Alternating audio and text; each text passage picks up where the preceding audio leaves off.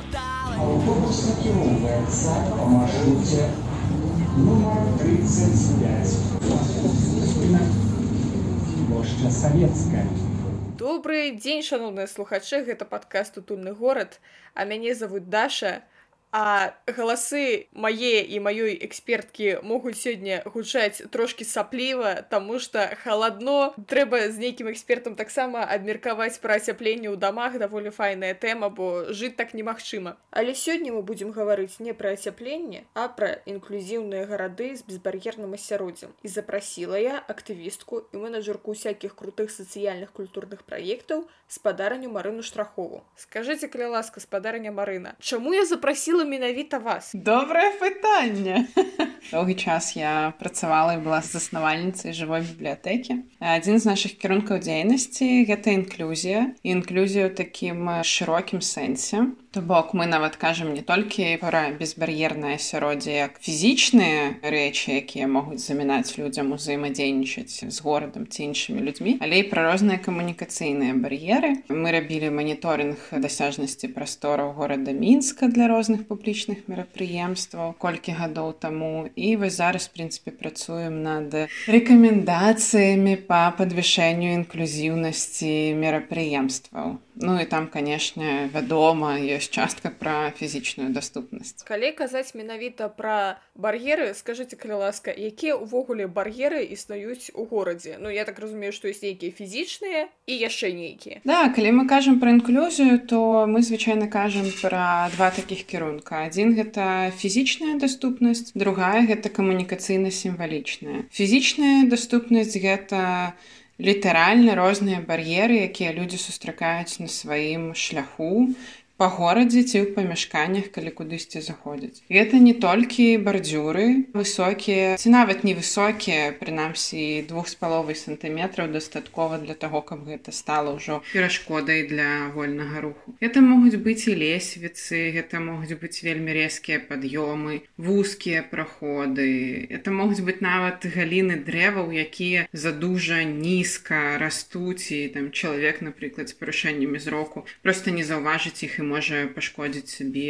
галаву напрыклад гэта з аднаго боку гэта тое што тычыцца фізічнага асяродку. Але з іншага боку ёсць камунікацыйна-сімвалічная даступнасць то бок гэта ўсё што дапамагае нам самастойна рухацца і перасоўвацца по гораду. То бок гэта і указальнікі то як яны зроблены. Ці ёсць там нейкія універсальныя сімвалы для таго каб напрыклад ты ж самыя замежнікі якія прыязджаюць у горад і не ведаюць лакальнай мовы маглі б самі самастойна зарыентавацца куды ім ісці і лёгка адшукаць гэтую прастору. З іншага боку, гэта яшчэ і частка таго, як мы размаўляем і камунікуем. Мы шмат пра гэта ў сваіх рэкамендацыях кажам менавіта для мерапрыемства, але гэта прынцыпе актуальна для сферы паслугаў і любога месца, дзе людзі камунікуюць адно з адным. Як мы камунікуем, якія словы мы ўжываем. Ці гэта лексіка нейтральная і не з'яўляецца мовай варожасці, на якіх мовах мы гаворым і гэтак далей гэтак далей. Давайце тады ад пачатку разбярэмся з фізічнай фізічнымі бар'ерамі па-першае я б хацела ў вас спытаць калі у нас ёсць умоўна кажучы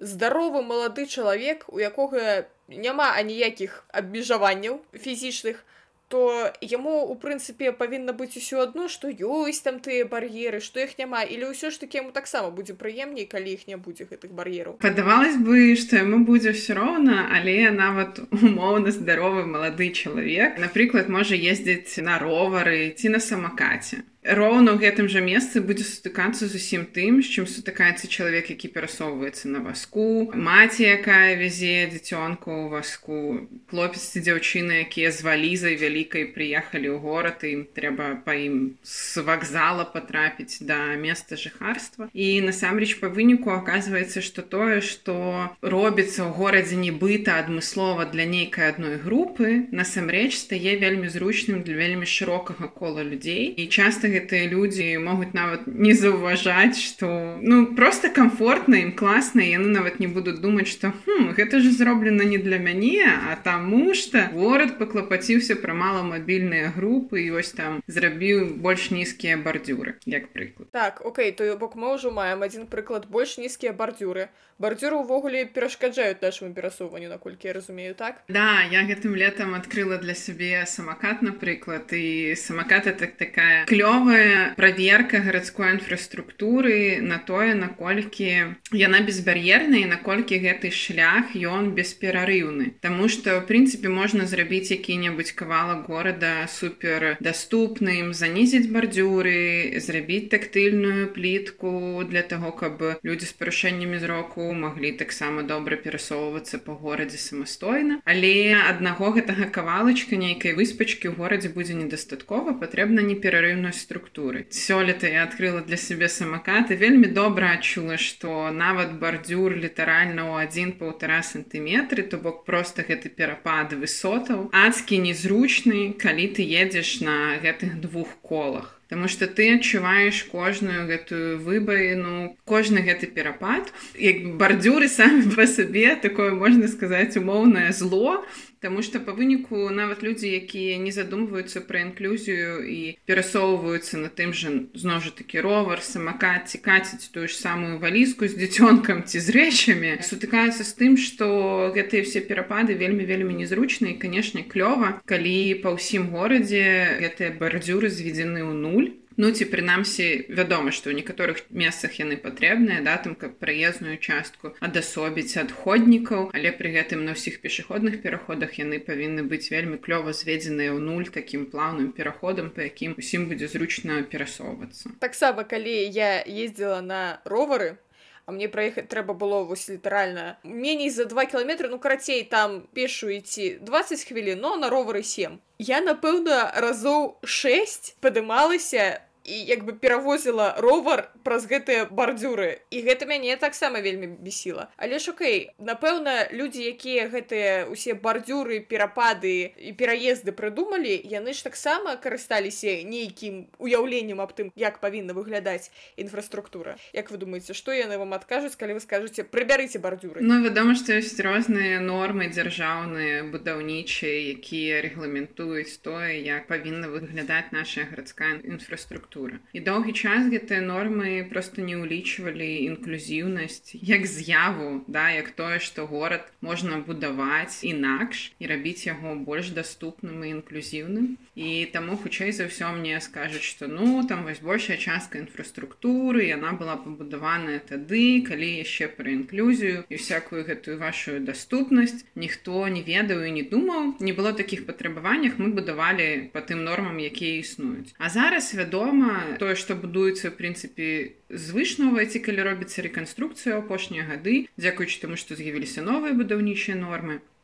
Яна сапраўды ну, прынамсі імкнецца быць інклюзіўнай бо таксама не заўжды мы маем добрыя прыклады даступнасці пасля рэканструкцыі. Але канешне адзін з аргументаў гэта яшчэ і тое што гэта каштуе грошай То бок калі гарадскую інфраструктуру пераробліваць і рабіць ёю больш дасяжнай, то вядома, гэта патрабуе ўкладанняў сродкаў і, канешне, заўжды горад можа сказаць: ну, у нас гэтыя сродкі не прадугледжаны ў бюджэце і тут тады трэба будзе далей больш настойліва прасоўваць свае правы і адстойваць права на даступны горад зразумела не прадугледжаны ну так трэба прадуглядаць напэўна. Але шукай бардзюры ідуць у наше урбаністычнае пекла. Але ж гэта не адзіная прычына што у горадзе ўзнікаюць нейкія бар'еры. Якія яшчэ бар'еры мы можемм сустрэць на сваім шляху? Маё любімае напэўна калі пра мінск казаць гэта падземныя пераходы это такі адавы ад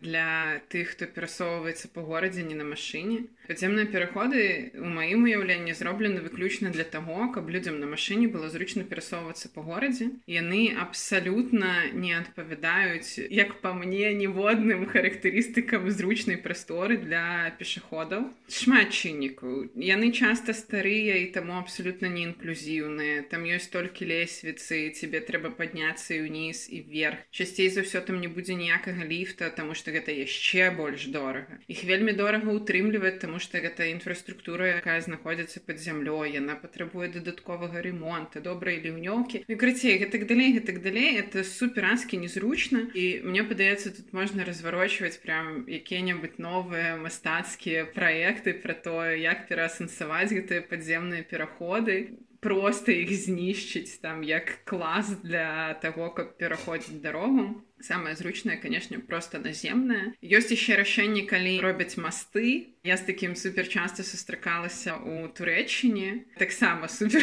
насамрэч супер незручная опцыя бо як бы яшчэ горш бо трэба залазіць наверх. Але пры гэтым да мастоў перыядычна таксама робяць велічэзныя такі крыху шалёныя на від велічэзныя пандусы для таго каб падымацца на мост. Ну что таксама не суперзручна тому что клёва што яны існуюць і клёва калі ёсць такія падыходы да пацемнага пераходу альбо да моста але канешне гэта заўжды пра дадатковыя высілкі усіх тых людзей хто гэтымі інструментамі карыстаецца. Таксама я ўжо казала пра розныя вузкія пераходы напрыклад там дзе абмежаваны зор напрыклад калі мы не ўсё можемм бачыць што адбываецца і трэба умоўна крыху рызыкаваць для таго каб перайсці дзесьці дарогу напрыклад таксама гэта шмат што звязанае з гарадскім азеляненнем. Часта розныя кусты да іх выкарыстоўваюць для таго каб таксама абмяжоўваць нейкія сцежкі адна ад адной нейкія прасторы адна ад адной. Гэта можа быць не вельмі камфортна ў першую чаргу для людзей з парушэннямі зроку бо калі гэта асабліва нешта нестандартнае дужа клёва і крэатыўна выглядаючае але не вельмі стандартнае чалавек можа з гэтым уступіць сваю не вельмі камфортную камунікацыю і пашкодзіцца. Напрыклад калі гэта які-небудзь расліны з шыпамі якія могуць напрыклад параніць чалавека. У парках гэта могуць быць тыя ж самыя дрэвы якія за дужа блізка растуць галіны вельмі нізкія з аднаго боку гэта круто стварае сваю атмасферу але пры гэтым для людзей з тым жа парушэннем зрока можа быць месцамі прям небяспечна сутыкненне з такімі момантамі гарадскога асяродку зразумела гэта ўвесь спісці мы яшчэ якія перашкоды маем там кшталту.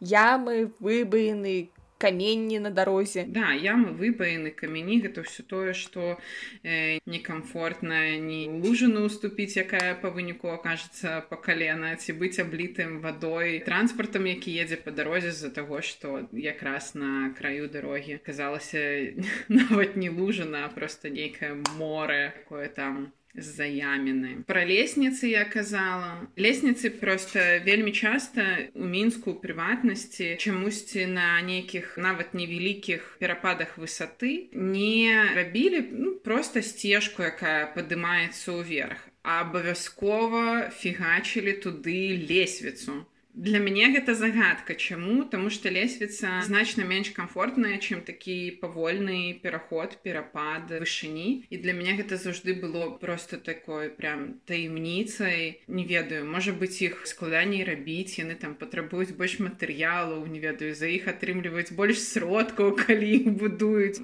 ну вот такі абсалютна неінклюзіўны элемент які вельмі незручны шмат для каго. Зноў жа такі для любога чалавека у якога стала альбо часова абмежавана мабільнасць да я маю на увазе зноў жа такі тую ж самую цяжкую валізу на колах якую я цягну за сабой. І лесвіца для мяне гэта ну прям бар'ер бо валіза можа там і 20 кілаграмаў весіць Чаму лесвіцы ў горадзе проста з'яўляюцца там, дзе хочуць, я не ведаю. таксама вельмі незручны элемент інфраструктуры. Наконт перападу вышыні ёсць, канешне, гарады, якія проста пляскатыя, але, напрыклад, гродна ці яшчэ паўночней навагрудак які-небудзь. Вось там ужо пачынаюцца значныя перапады, ўсхоркі і так далей. Што з імі рабіць? Рабіць інфраструктуру так, каб чалавек, які перасоўваецца ў прыватнасці на васку, мог перасоўвацца самастойна спакойна это не заўжды значыць что это будзе самы наўпроставы кароткі шлях. Часам гэта значыць что трэба зрабіць нейкі дадатковы пантус дадатковую сцежку якая не будзе под кутом 45 градусаў напрыклад по якой там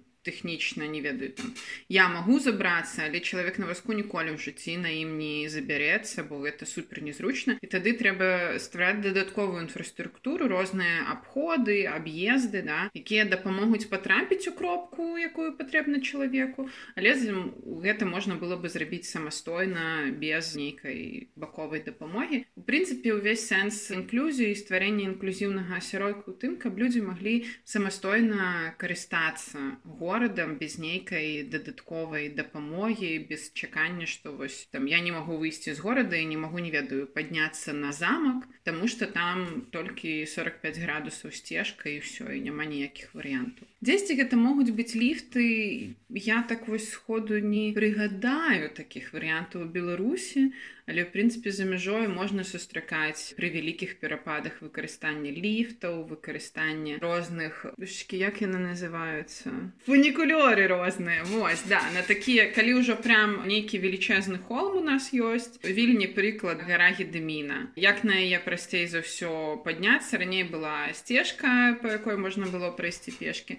але ўжо доўгі час там ёсць фунікулёр і можна альтэрнатыўна падняцца на ім як бы зэканомішы такі такім варыянтам і час і энергію. То бок можна заўжды знайсці нейкія альтэрнатыўныя варыянты калі іх шукаць. Калі трымаць у галаве што сцежка ў 45 градусаў не ўсім зручная трэба штосьці пашукаць. Можна заўжды знайсці гэты баланс паміж тым што мы можам да якія сродкі ў нас ёсць колькі часу у нас ёсць і тым каб гэтае месца стало больш доступным і комфортным для больш шырокага кола людзей з фізічнымі бар'ерамі напэўна мы з вами больш-менш разабраліся але ж вы узгадалі далі яшчэ нейкія ментальныя я не ведаю бар'еры что гэта такое? З аднаго боку гэта можна сказаць что калі мы кажам пра камунікацыйны складнік інклюзіі то яго тэхнічна можна таксама падзяліць на тое што умоўна такое больш матэрыяльнае гэта розныя указальнікі. Это все тое што дапамагае нам арыентавацца ў прасторы. Гэта не заўжды указальнікі. Гэта могуць быць розныя каляровыя абазначэнні гэта могуць быць розныя сімвалы. Але для горада напэўна базавая гэта ўсё ж такі добрая навігацыя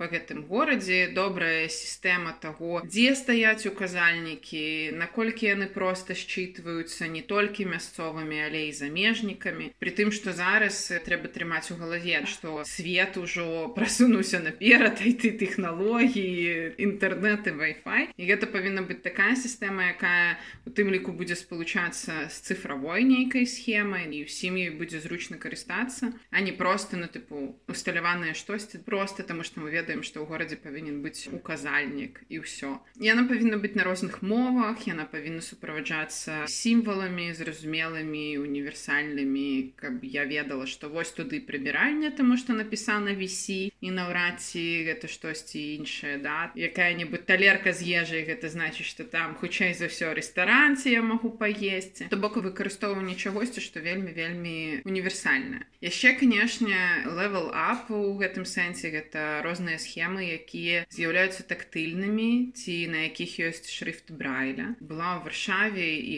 літаральна просто вось я спусцілася ў першае ж метро. І я просто спусцілася па эскалатары і адразу направа стаіць схема гэтай станцыі метро. Яна не толькі падпісана брайлем яна з'яўляецца тактыльнай то бок чалавек з парушэннямі зроку ён можа прям памацаць гэтую схему зразумець дзе што знаходзіцца і такім чынам самастойна зарыентавацца ў гэтай прасторы і скарыстацца дабрацца метро без нейкай баковай дапамогі. Это такія клёвыя штукі якія можна рабіць на ўваходах напрыклад у паркі у нейкія важныя інфраструктурныя аб'екты тыпу вакзалу метро аэрапортаў для того каб людзі маглі самастойна карыстацца гэтымі будынкамі. Это з аднаго боку. То бок это прынцыпе все яшчэ пра камунікацыю але пра такую як бы все еще такую даволі матэрыяльную другая частка гэта тое як людзі камунікуюць з людзьмі і як яны ставяцца да людзей якія хоць чымсьці ад іх адрозніваюцца наколькі з аднаго боку гэта в прынцыпе наша адкрытасць да новага да іншага да рознага. Ці ёсць у нас да гэтага прыязнасць цікавасці мы гэтага баімся і адпаведна агрэсіўна на гэта рэагуем. І вядома што для сферы паслугаў патрэбен першы варыянт калі мы гэтага не баімся. Нам гэта цікава цікава мы готовы з гэтым камунікаваць мы ведаем як камунікаваць. Прынамсі як камунікаваць з людзьмі ветліва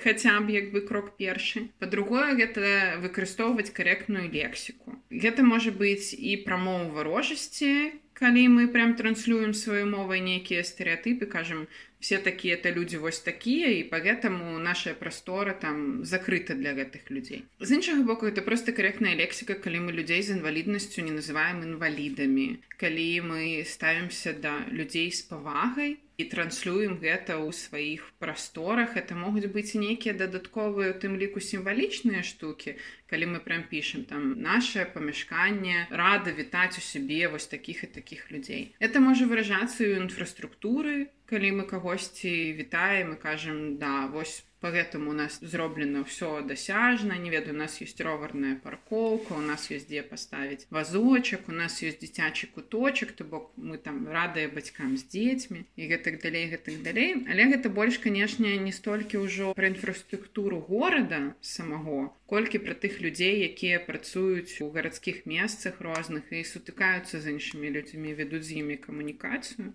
І тут канешне часам мне падаецца што тут праца яшчэ больш чым з фізічнай інфраструктуры Таму што фізічную інфраструктуру груба кажучы вельмі лёгка змяніць. Калі адкінуць пытанні грошы распрацоўкі праектаў гэтак далей яна тэхнічна просто замяняецца. Вось там няма пандуса паставілі пандус. Высокія бардзюры занізілі бардзюры.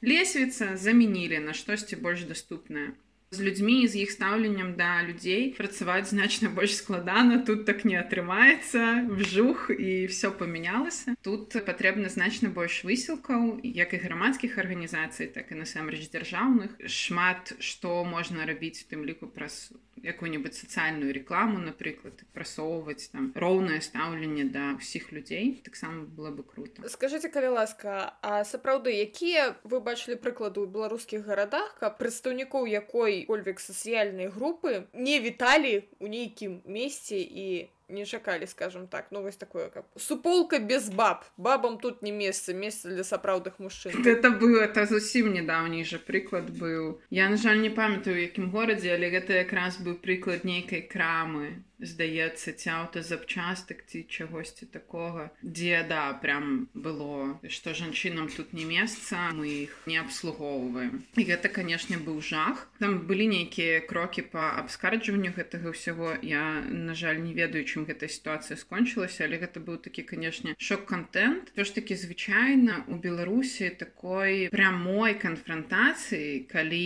прям нейкая прастора ці месца заяўляюць что там мы не рады таким людям. Мы не рады жанчынам мы не рады лгбтк плюс мы не рады віч пазітыўным мы не рады людзям з інваліднасцю звычайна такога не кажуць і хутчэй у беларусі ёсць другая штука. Она часцей за все абсолютно ненаўмысная гэта наадварот калі прасторы кажуць что мы рады ўсіх вітаць мы для ўсіх вельмі адкрытыя клёвы прыходзіце до нас ты прыходзіш у гэтую прастору і оказывается что кром гэтых словаў на жаль няма нічога але часцей за ўсё гэта не з-за того что людзі такія злыя нехарошыя а просто таму что яны не зусім ведаюць про тое чым патрэбы іншых людзей могуць адрознівацца ад іх патрэбаў і адпаведна просто не ствараць гэтай неабходнай інфраструктуры. Калі мы знаходзімся ў недасяжным памяшканні по розных прычынах. У будынку можа быць пандус напрыклад але гэта стары будынак завода мой офіс знаходзіцца на пятым паверсе. Для того каб потрапіць у ліфт трэба яшчэ прайсці адзін паверх па лесвіцы. Але пры гэтым я кажу што я радаю ўсіх у сябе вітаць Я можа быць радая ўсіх у сябе вітаць, але інфраструктура майго офіса яўна не дазваляе мне гэта зрабіць і тады калі я асэнсоўваю, што я рада ўсіх вітаць, але моя інфраструктура не падыходзіць для гэтага, то я буду пра гэта дадаткова казаць, што калі вы не можете напрыклад падняцца да мяне, бо у мяне вось такая складаная штука з тым, каб патрапіць у мой офіс там вот мой телефон, я да вас сама там спушчуся. З інклюзіяй яшчэ такая штука это то, што мы прасоўваем таксама, што да не клёва калі ваша інфраструктура не інклюзіўная. Але часам так здараецца што гэта можа не залежыць ад вас Таму што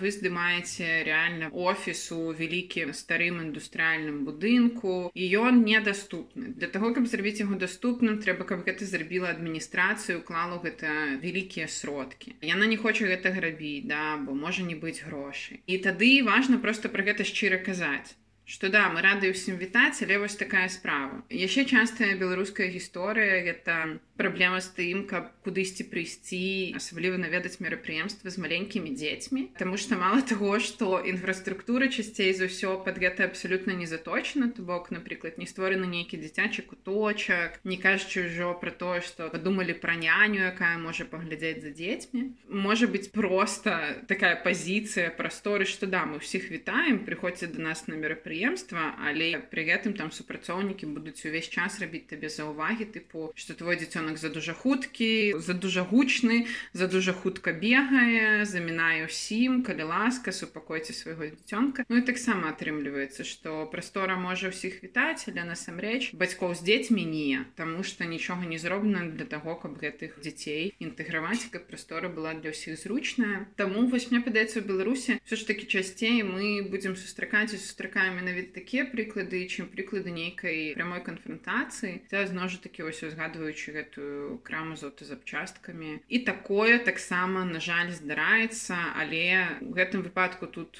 все просто тут абсолютно відавочная прямая дыскрымінацыя з якой ну далей можна працаваць абскарджваць і неяк наказваць людзей калі яны на жаль інакш не зразумеюць. Прычым ведаеце гэта якраз той стэеатып які увогуле не мае ніякага дачынення да рэальнасці як бы у маёй сям'і усе жанчыны умелі кіраваць аўтамабілем і не ўсе мужчыны умелі дарэчы. Са стэеатыпамі часто такая штука что нам всем падаецца что калі ёсць стэеатып то ён абавязкова на чымсьці грунтуецца але гэта абсолютно не так. І часцей за ўсё там умоўна не ведаю. Ну хай гэта будзе там адна са ста жанчын якая вот зусім не разбіраецца ў тэхніцы. І по ёй робіцца выснова что ага ты не разбіраешься в тэхніцы значит все жанчыны не разбіраюцца ў тэхніцы і так шмат з якімі стэеатыпамі мы недавно выпусцілі пост про інфа-цыганаў тлумачылі что гэта мова варожасці нельга так казаць бо гэта зноў жа такі працягваць стэеатып про тое что все цыгане махляры бо слова інфа-цыгані ўжываецца менавіта ў такім кантэксце. Там была такая ж гісторыя что нам кажуць не пачакайся так что вы хотите сказаць что цыганы ніколі не крадуць нічого нічога там не гвалтуюць людзей не займаюцца рабаваннем мы такія так стоп стоп пачакайце ну тыпу адкуль у вас гэтыя дадзеныя як так атрымліваецца что вы напрыклад пабачыўшы ведаю одну навіну крымінальнай хроніцы добра калі яшчэ чалавек прачытаў навіну і зрабіў выснову на ёй а не просто як бы транслюе гэты стэеатып потому что вот ён ёсць у грамадстве і гэта такая ну класічная гісторыя са стэеатыпамі калі штосьці ў нейкі момант стала больш падсвечаным на жаль менавіта менавіта на гэтай падзеі зрабілі выснову абагульняючую для ўсёй групы і далей радасна гэта транслюецца для ўсёй групы і вся група пакутуе спрабуючы даказаць што ну ребята дзяўчата так нельга рабіць такія абагуленні абсолютно непрымальныя. На жаль да все гэта менавіта так і працуе.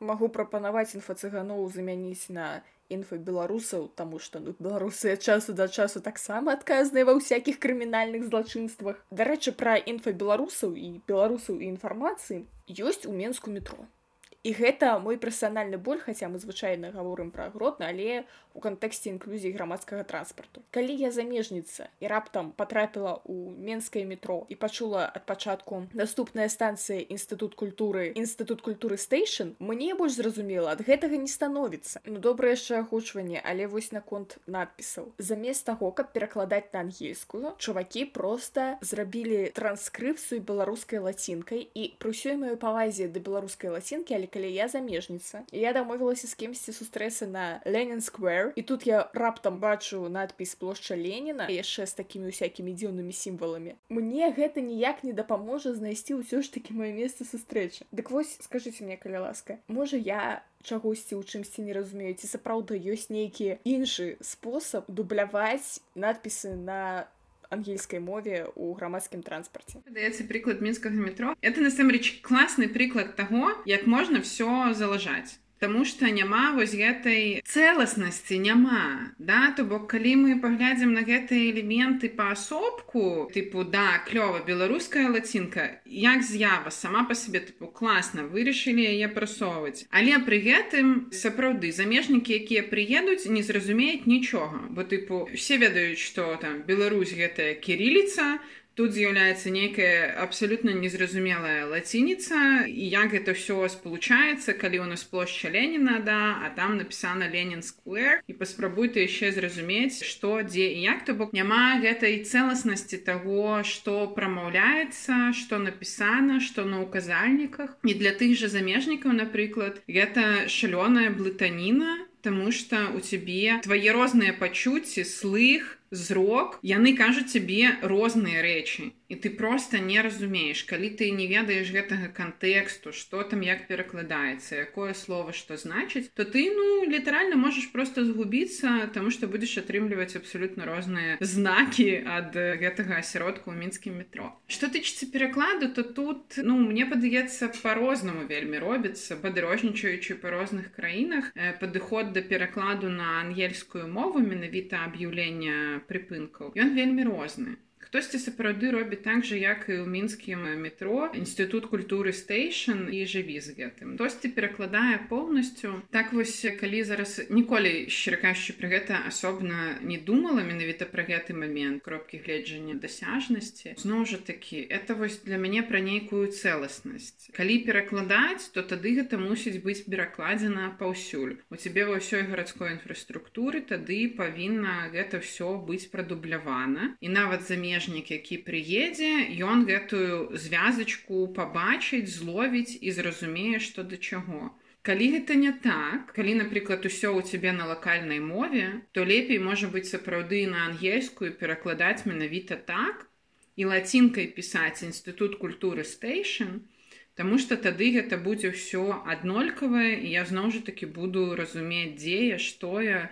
і як гэта перакладаецца. Вось таму вот мне падаецца што тут не такі просты адказ хаця магчыма той хто займаецца менавіта гэтай сферай мае гэты просты адказ тыпу як павінна быць але вось мне так збоку падаецца што можа быць по-рознаму і все ж таки галоўнае каб гэта паўтаралась да? Гэта так напісана так прамоўлена і тады все становіцца больш зразумелым. А ў мінску канешне беда менавіта ў гэтым А ў абласных гарадах я сама нарадзілася ў гомелі і доўгі час там пражыла. Там беда хутчэй у тым, што там в прынцыпе гэтага перакладу няма. Часта ў аўтобусах не ведаю, можа быць, гэта ўжо змянілася, але ў маю бытнасць я часта ездзіла ў аўтобусе дадому, які не называў ніводнага прыпынку. Пры гэтым не тое, каб перад прыпынкамі стаяў велічэзны шчыт, на якім напісана гасцініца турыст. І ты ну адчуваеш сябе зусім дзіўна, таму што раней не было там тым больш ніякіх гэтых мапаў і ты не мог сачыць да за тым, дзе ты едзеш, дзе ты знаходзішся. Да і гэта ж да ніколі як бы не гарантыя, бо у цябе можа не быць інтэрнэта, таму неслушна працуе GPS, ён цябе неправільна вызначае. Ты зноў жа такі не можаш знайсці тое, куды цябе трэба выйсці.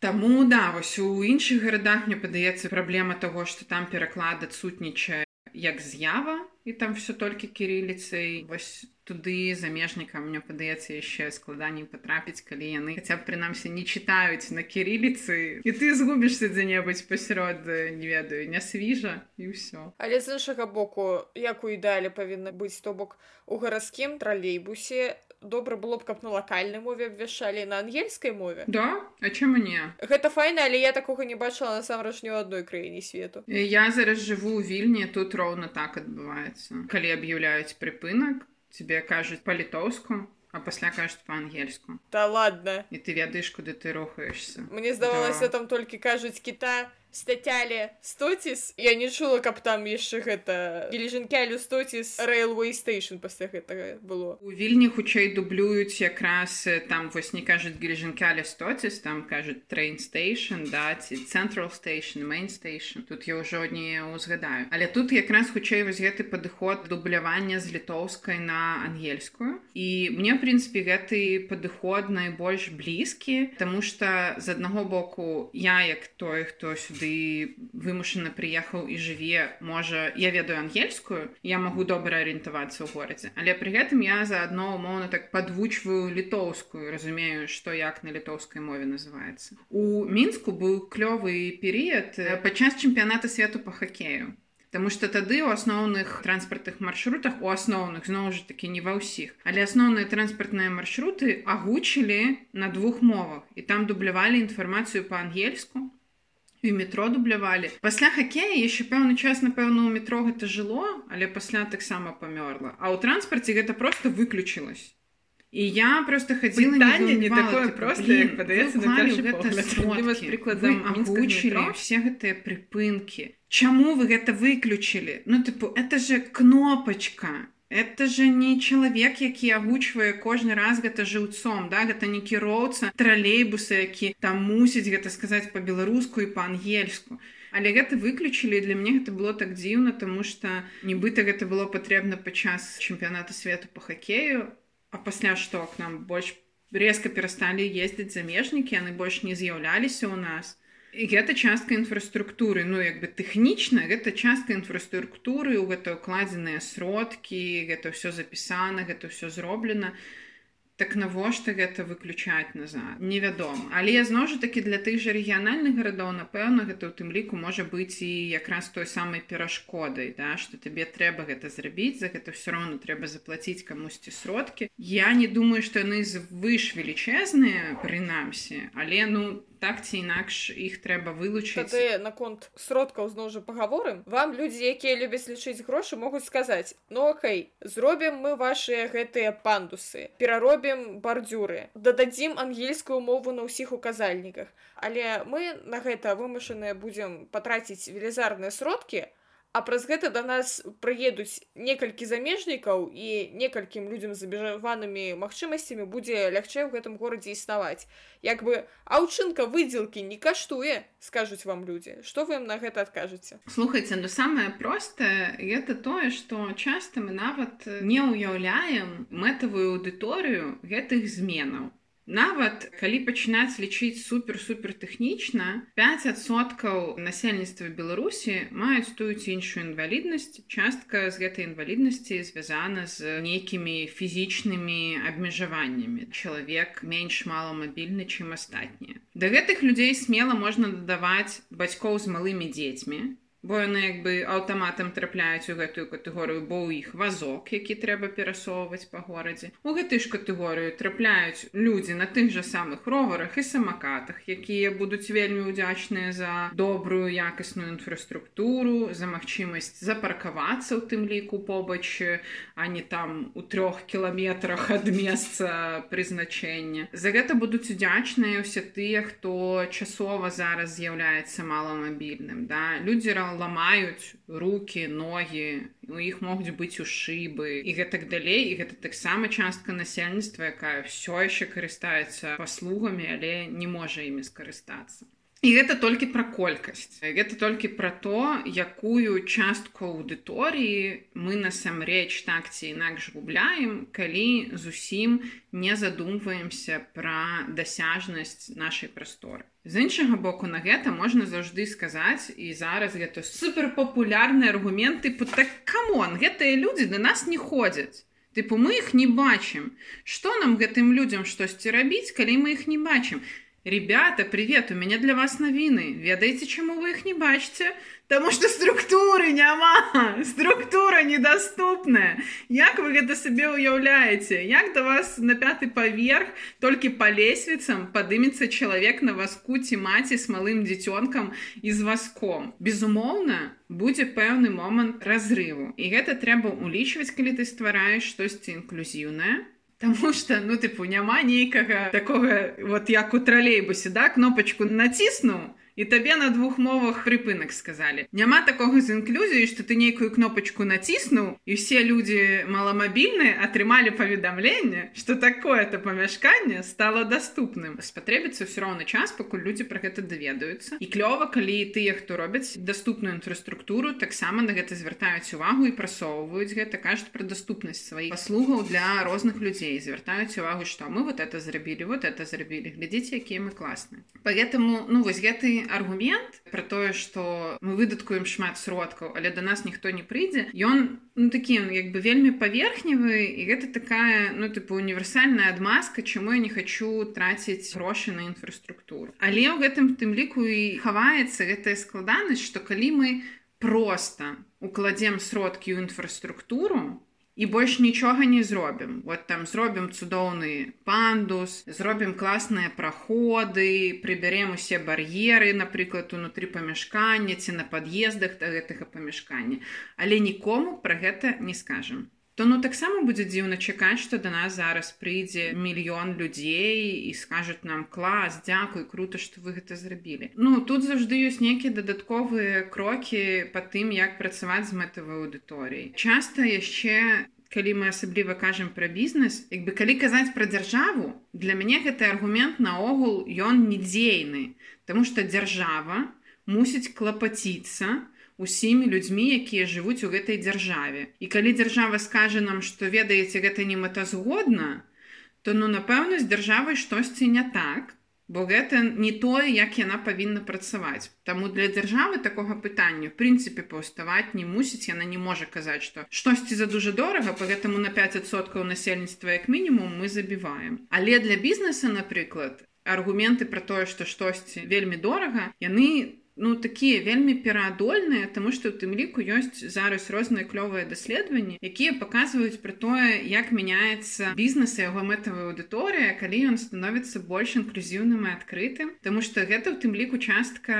іміджа і бізнес можа просто недаацэньваць сваю мэтавую аўдыторыю і тым ліку зноў жа такі привет вяртаемся да стэеатыпаў Таму што часта, калі мы кажам, напрыклад, пра людзей з інваліднасцю, у галаве ўзнікае не самы пазітыўны вобраз гэтага чалавека. Хутчэй за ўсё мы думаем, што гэты чалавек з не вельмі высокім прыбыткам.